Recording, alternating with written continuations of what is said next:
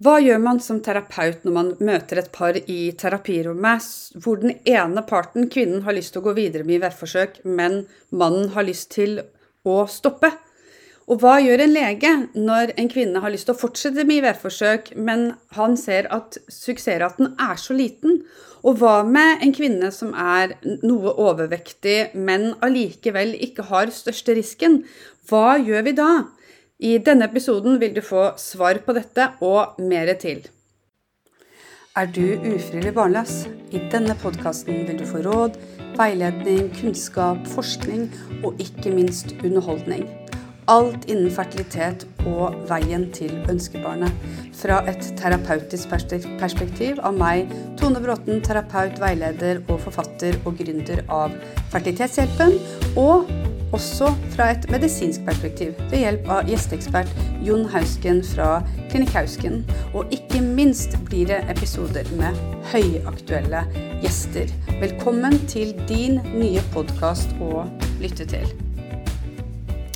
Velkommen til dagens episode i Fertilitetsrådet. I dag skal vi ha en episode som handler om en dag på klinikken, hvor jeg, terapeut Tone Bråten og Jon Hausken, lege, skal ta for oss noen temaer som har kommet opp i løpet av dagen. Og for å ivareta taushetsplikten så vil vi selvfølgelig ikke nevne noen navn eller noe som blir gjenkjentbart for det aktuelle paret, men at vi tar, tar opp temaer som andre under fertilitetsbehandling kan kjenne seg igjen i.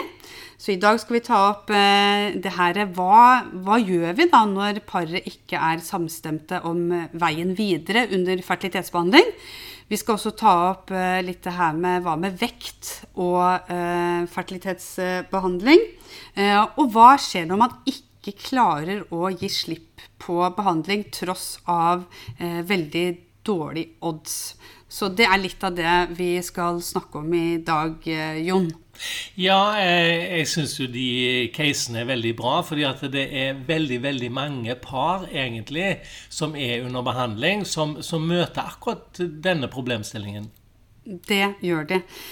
Da tror jeg jeg skal starte med min start på dagen i dag. Da, da, hadde jeg et tema oppe. Det var et par som var eh, ikke så samstemte. De hadde vært gjennom eh, jeg tror det var fire-fem IVF mislykka forsøk på en annen klinikk før de tok eh, kontakt hit.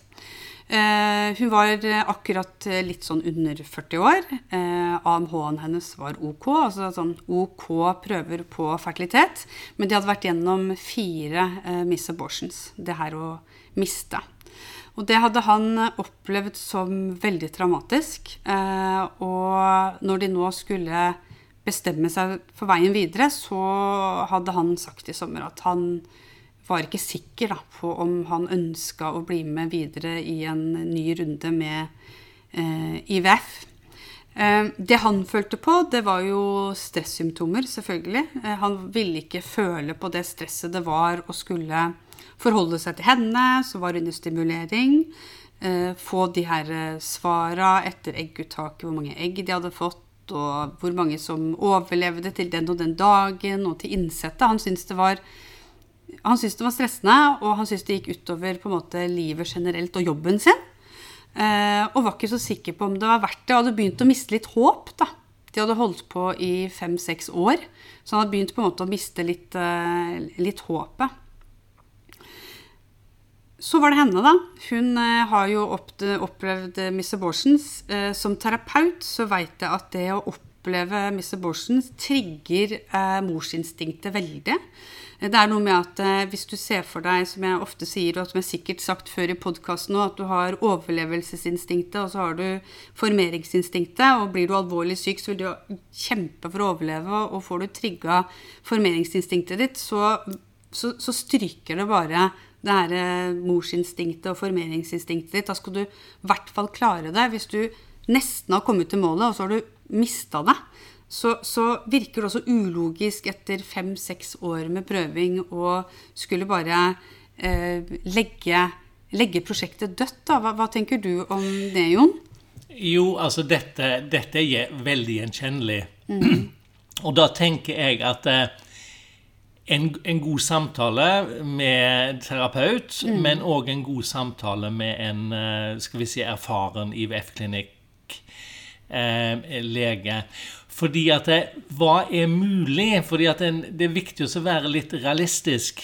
Eh, er det fremdeles muligheter her, og hvor, hvor, hvor høye er de, den sannsynligheten for at nye forsøk kanskje kan være vellykket. Mm. Så jeg tror det er veldig viktig på en måte å få, få dratt det ned, fordi at det, det, er tungt å gå gjennom negative forsøk. Mm. Eh, lykkes en, så er jo dette enkelt. Eh, lykkes en ikke. Og da er det sånn at eh, en god del par kan likevel lykkes, vet du. Det er bare sånn det er. Og, mm. og da forstår jeg hun som på en måte ønsker da kanskje å vurdere en ny klinikk. fordi at det, vi ser jo alle litt ulikt på behandling, selv om vi er veldig samstemte. Så er det sånn at det går an å se andre nyanser. Eh, dette her med habituell abort, altså at hun har eh, abortert mange ganger, er det noe mer vi kan gjøre i den retningen? Mm. Eh, det er ikke sikkert, men det er en del teorier, og, og sannsynlig så vil jeg ha foreslått behandling, mm. og så måtte de ha liksom spurt og gravd, og, og så hadde vi Det er den gode samtalen. Ja, og det er jo det som jeg jobba med da, i den samtalen, for jeg prøver jo på en måte å få bevegelse i prosessen, for det er veldig fastlåst. Eh, hun går så langt i, under samtalen også å si at hvis ikke du er med, så må jeg gå alene. Da må jeg prøve med donor. Fordi jeg klarer ikke å se for meg å gå eh, resten av livet da, uten å bli mamma, eller prøve det jeg kan da, for å bli mor. Ja, og da tenker jeg at eh, vi må se det fra begge ståsted. Mm -hmm. Fordi mannen er jo òg ofte opptatt av um, altså den økonomiske siden. Mm. Er menn ofte mer eh, tenker mer gjennom det. altså mm. Kvinner er ofte sånn at det, ok, det får bare koste hva det koste vil. Eh, og så sitter han på en måte liksom ok, men dette har vi ikke råd til. Mm. Og jeg orker liksom ikke gå gjennom nye forsøk nå, og så blir det bare negativt og negativt, og vi krangler. og det, altså Det er jo en veldig trist prosess. Mm. Eh, og så er det hennes side, fordi at hun kan òg nemlig se det slik at eh, hvis jeg skifter ut den ene partneren, mm. Så kan det faktisk òg være en del av løsningen på en, et problem. Eh, og det hender at det faktisk kan, kan, være en løsning for mm. noen. Jeg har jo par som lager dårlige embryo hele tiden. Mm. Eh, og så Ok, kanskje vi må begynne å drøfte og diskutere om vi skal forsøke å, å, skifte ut den ene. Det er jo en forferdelig måte å si det på, da, men jeg mm. prøver jo å pakke det godt inn. Og, og de er jo enig i det, da. Og da er det jo sånn at muligens kanskje forsøke sæddonasjon kan gi bedre embryo, eller eggdonasjon. I i denne casen, da, det er helt riktig som du sier, at jeg, jeg opplever også at menn kan være mer eh, fokusert også på det økonomiske. Eh, I det tilfellet her så var det vel eh, mer det emosjonelle og psykiske hos han. Eh, det som ble interessant da med samtalen, var at eh, hvis du ser på hans side, da, hvor han på en måte syns det er veldig stressende og vanskelig, Eh, så vil ikke han gå inn i prosessen, fordi da veit han at han lokker opp døra til mye stressymptomer. Men det vi på en måte prøvde å bevisstgjøre ham på, da, det er at eh, vi har et nervesystem som gjerne vil eh, beskytte oss mot smerte, for at vi ikke skal gjøre ting om igjen som har gjort vondt. Sånn at det vil være naturlig hvis han trer inn i en verden som kunne ha ført til f.eks. en miscarriage igjen, så vil kroppen hans prøve å beskytte han, så han vil få en del stressymptomer som han sjøl må klare å regulere ned. Da. Men at, han hadde jo vansker med å sove. Kroppen hans, altså nakken, gikk i spenn. Vanskeligheter å sitte på jobben osv. Så, videre. så det var en helt konkrete stressymptomer. Jeg prøvde å fortelle han at det kroppen din prøver å gjøre, er å bare beskytte deg. Det er normalt, det her er vanskelig. Men hvordan kan du få regulert ned nervesystemet ditt. Og så har du henne. Når hun går inn i behandling, eh, så føler hun det omvendt. Da føler hun en form for lettelse. For nå har hun det vondt fordi hun står stille. Hun får ikke lov å gå videre. Hun får lov, men hun har lyst til å komme til et kompromiss med partneren sin. Men det er jo nå hun har det vondt. Så det begge to sitter egentlig og lengter etter, det er jo å være i en situasjon hvor begge har indre ro, hvor begge har det ålreit, hvor ingen av de føler på smerte eller savn eller lengsel. Så, så, det som jeg på en måte ga det litt i oppgave hjemme, det er å prøve å som noe som jeg kaller mentalisering. At de prøver å sette seg inn i partnerens tanker og følelser. og Prøve å finne måter å eh, dempe uroen på før vi tar tak i det de egentlig skal eh, bestemme seg om. da. For når de kommer til meg, så vil de gjerne ha et svar, men svaret må på De må eie. De har ansvar om å eie veien videre. Det kan ikke jeg gjøre. Nei, men det blir det samme så hos meg òg, det. Fordi at ja. Eh, de vil gjerne ha konkrete svar. De vil gjerne vite ok, eh, den behandlingen som jeg foreslår nå, den på en måte, nå, nå går det. Mm. Uh, og det kan jeg jo selvfølgelig ikke gi, men, men det er mye rundt dette her med de kvinnene som rapporterer på nytt og på nytt og på nytt. Der er det forskjellige tiltak som en kan forsøke. Mm. Um, så er det dette som min lille kjepphest. Det er på en måte Har du hatt tre negative forsøk, mm. så bør du vurdere å skifte klinikk. Det sier jeg òg til mine pasienter. fordi at mm. det, det, kan være at det er en eller annen greie, så er vi gode på de parene, og så er det en, en annen klinikk som er god på det paret, osv. Mm. Eller kanskje var det tilfeldigheter. Men det handler jo òg om å være samstemte. fordi i en, en prosess med å kunne skape dette barnet, så må det være òg en, en, positiv go fra både par og legen. Og det er klart at den, den ebber jo litt ut når forsøkene blir negative og negative og mm. negative. Mm. En eller annen, Det er ikke sånn at noen har feil, men på en måte, det er ikke en god match å gå videre. Det er ofte lurt å få noen nye til å se på det.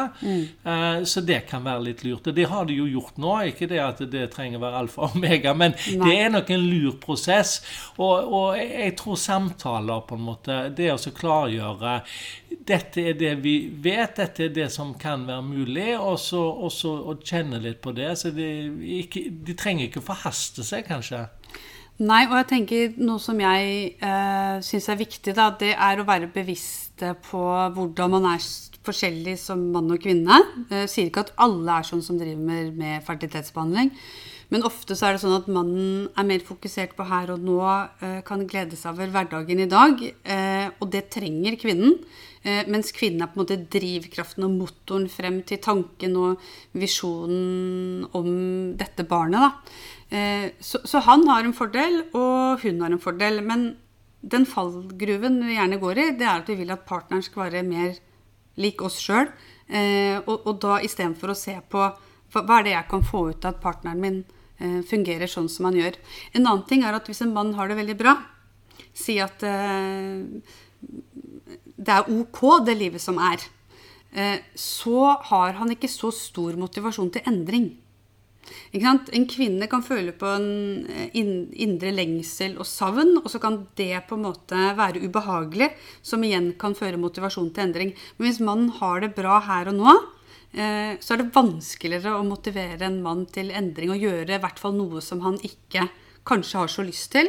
Og så kanskje han gikk veldig motivert inn i prosjektet og ønska å gjøre sin eh, kvinne fornøyd og få barn.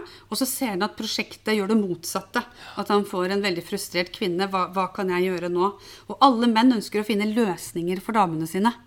Ikke sant? Og så har de ikke løsningen her og nå. Så det er noe Eh, det her forteller jo jeg også til parene bare fordi at de skal på en måte bli bevisst på hva er det som skjer med oss, tankemessig og følelsesmessig. Eh, og så skape en prosess hvor de kan nærme hverandre litt og komme til en enighet. da. Ja, altså jeg tror uh, igjen den, den, gode samtalen, mm. eh, god informasjon.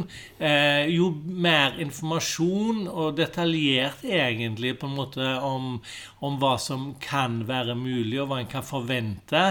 Eh, og at vi kanskje ikke trenger å forhaste oss heller. At de kanskje kan ha flere runder både med med deg, eventuelt meg eller andre, eh, mm. før, de start, før de ja, før de sier at 'nå gjør vi det'. Men er det ofte du, Jon, har par som, er, eh, som ikke er så samstemte, da, hvor du merker at den ene ikke er så motivert som den andre? Jo, det har jeg ofte, men jeg er jo en type av natur også, som på en måte er litt optimistisk. Det må du nesten være når du driver denne bransjen her, for ellers, ellers så blir det veldig traurig. Mm. Eh, jeg, ser, jeg, ser, løsninger, og så eh, prøver jeg å, å, å, å, få de til å se at eh, kanskje dette kan være en lur vei å gå.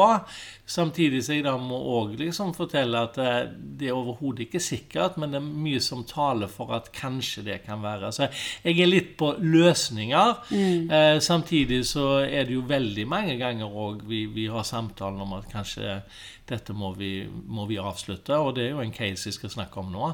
Mm. Det er det. det her, eh, når det blir vanskelig å gi slipp, for det er jo pasientgruppe som både du og jeg har. Hvilket, hvilken hvilke følelser og tanker er det som eh, du opplevde i dag i møte med den type pasienten? Da?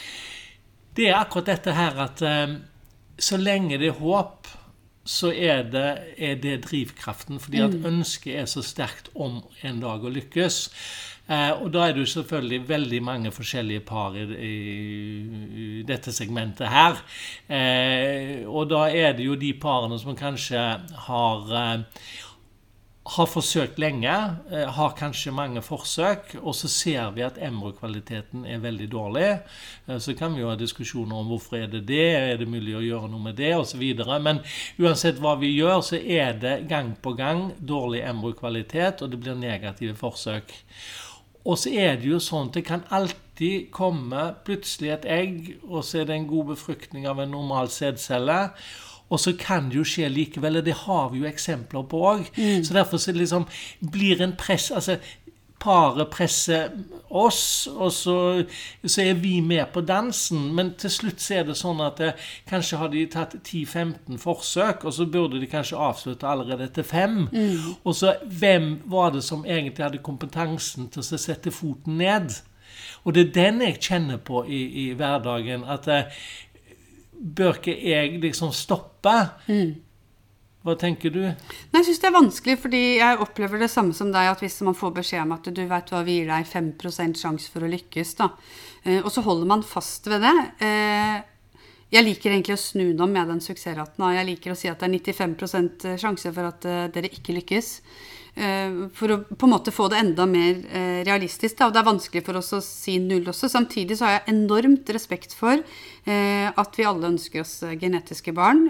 Vi alle ønsker å kunne sitte om tre til fem år og ikke tenke at hva om jeg prøvde én gang eller to ganger eller tre ganger. som det å bære ansvaret for å avslutte som pasient det er vanskelig, fordi da er det bare deg sjøl å skylde på. Men hvis du får høre det i en litt mer sånn samarbeidsorientert uh, stilling som jeg veit du er god på, Jon.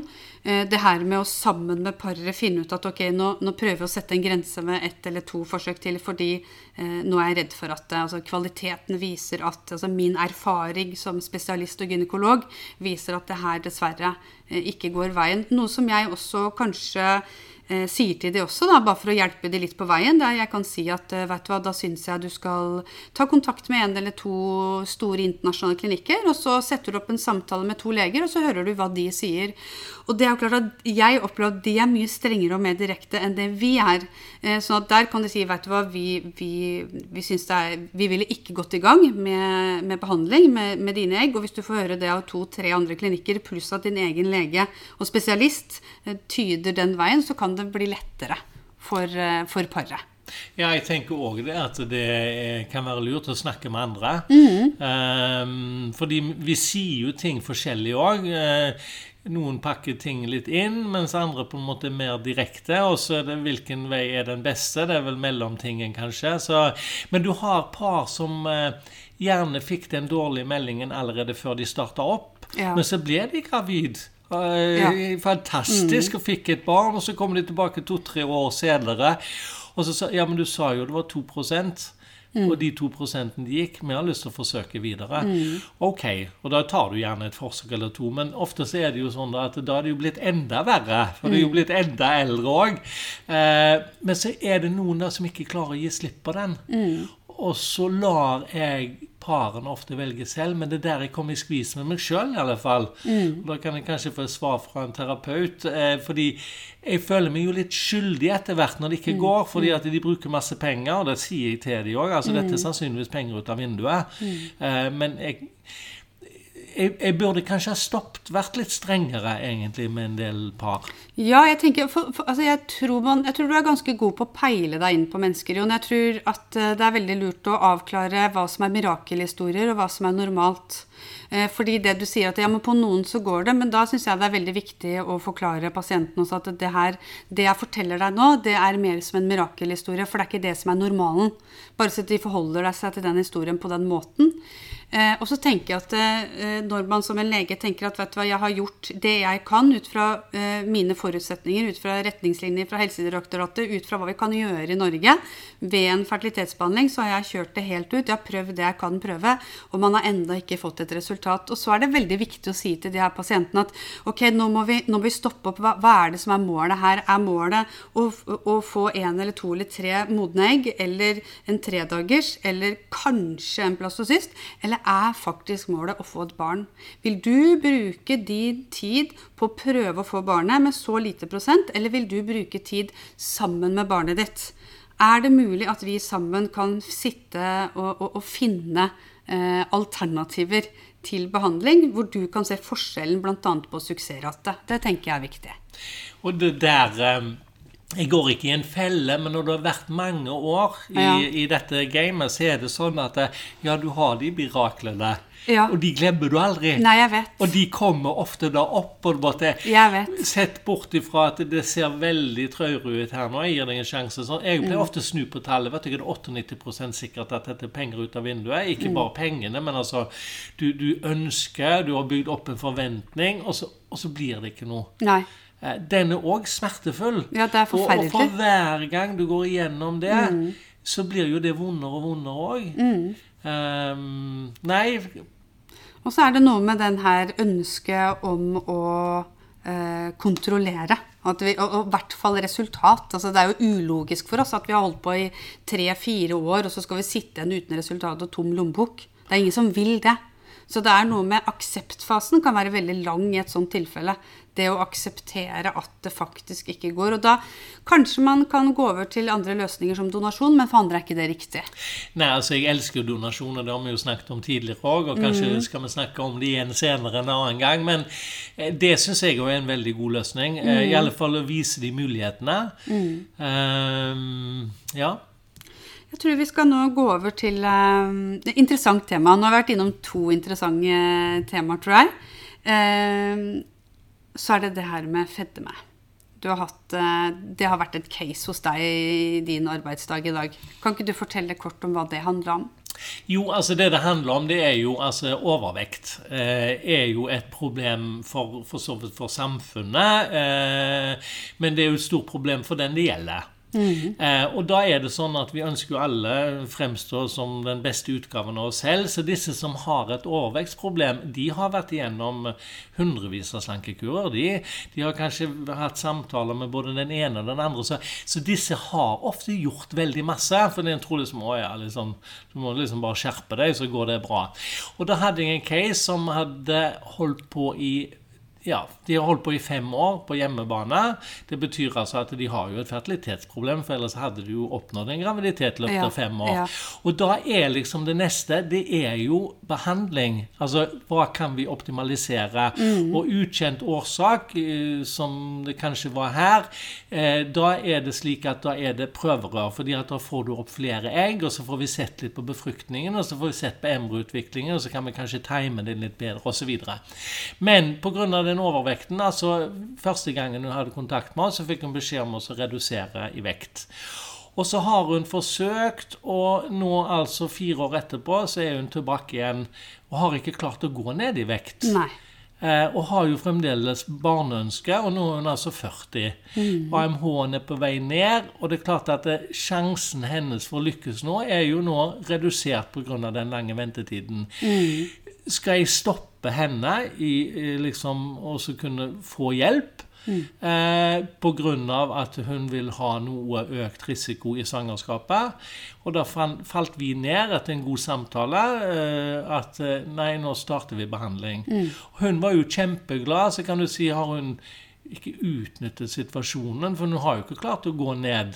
Uh, ja, Hva tenker du om det? Nei, men altså, Jeg lurer på hva BMI-grensa er på, sånn cirka på klinikken, og hva det ligger for. Jeg har fått en følelse at uh, den er litt strengere på en offentlig sykehus eller offentlig IVF-klinikk enn privat? Er det sånn? Ja, det er nok. eh, Selv om eh, det er litt forskjeller på det òg. Vi er vel en klinikk som på en måte kanskje er litt mer liberale. Og da er det mange som kaster det etter oss, liksom, ja, fordi at uh, den klinikken de tenker jo bare på pengene. Men aldeles ikke. Jeg har hjertet mitt hos disse eh, jentene som på en måte har vært gått gjennom hele livet som, som overvektige. Og jeg, jeg vet på en måte at det, det er vanskelig for dem. Og da er det sånn at det skal ikke de få hjelp etter at vi har lagt en plan, men så har vi ikke nådd helt målet. Og da er det sånn at har de vist god prosess, så på en måte innvilger jeg behandling til tross for at de kanskje ikke har nådd det BMI-målet som har satt oss. Men her er det altså en som ikke har klart det. Ja. Og skal jeg bare avvise henne? Eh, nå begynner tiden å gå. Eh, hun trenger hjelp nå. ja. Vi kan ikke vente to år til i håp om at dette ordner seg. Og hun har vært igjennom, eh, vært igjennom masse for å forsøke å gå ned.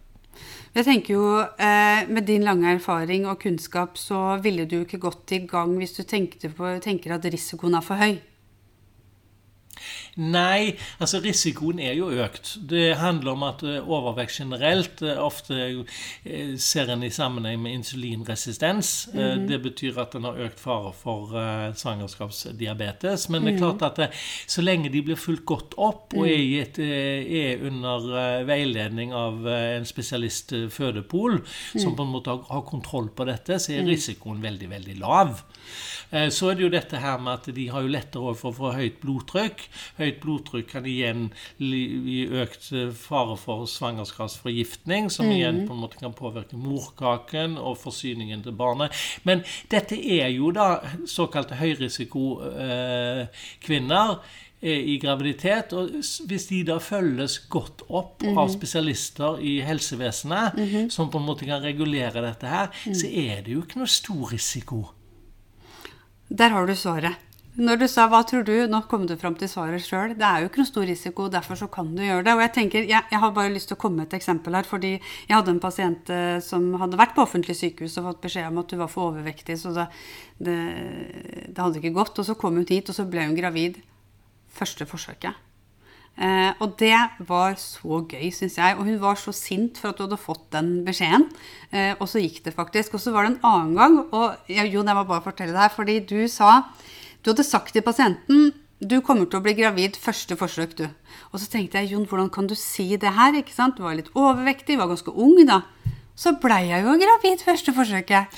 Ja, men de er ikke vanskelig å hjelpe. Nei, og det er viktig å få frem, da. Ja, fordi at det, De tror stakkars at det er overvekten på en måte som er skyld i alt, og at dette blir veldig vanskelig å hjelpe. Men nei, de er ikke så veldig vanskelig å hjelpe. Nei. Så det eneste aber er dette her som vi har definert, selvfølgelig. altså hvor høy risiko er det egentlig i svangerskapet? Og det er jo vanskelig å definere det. For selvfølgelig er det høyere risiko, så er det òg høyere risiko for at ting kan skje. Ja. Men hvis vi da øker det fra liksom, altså i et vanlig svangerskap, så liksom fatale situasjoner er kanskje på 1% så hvis vi ganger det med 4, da, så er vi på 94% Og da kan vi jo gjøre det som vi pleier å gjøre. Vi snur på det.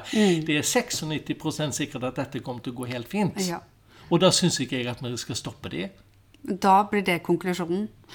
I dag har vi hatt tre veldig interessante temaer, Jon. Syns du ikke det? Jo, jeg syns det, og det er liksom egentlig det er litt hverdagen vår. alle Det her er hverdagen vår. Jeg håper at dere lyttere syns det er spennende å følge oss eh, og alle de temaer som eh, dukker opp i, i løpet av en dag. Eh, Følg med neste torsdag. Vi skal prøve å få sånn hver 14. dag og få ta med dere inn i vår hverdag og ta opp de temaene som vi møter, som dere kan kjenne dere inn i. Jeg heter Tone Bråten. Dere finner meg på Fertilitetshjelpen og Klinikk Hausken. Og så har du da Og Jon Hausken, men jeg ville òg bare supplere, fordi vi skal jo ha spennende gjester. Man nevnte tidligere, men det, det er alltid gøy å, å, å involvere flere. Ja, det er det. Ok, ha det bra.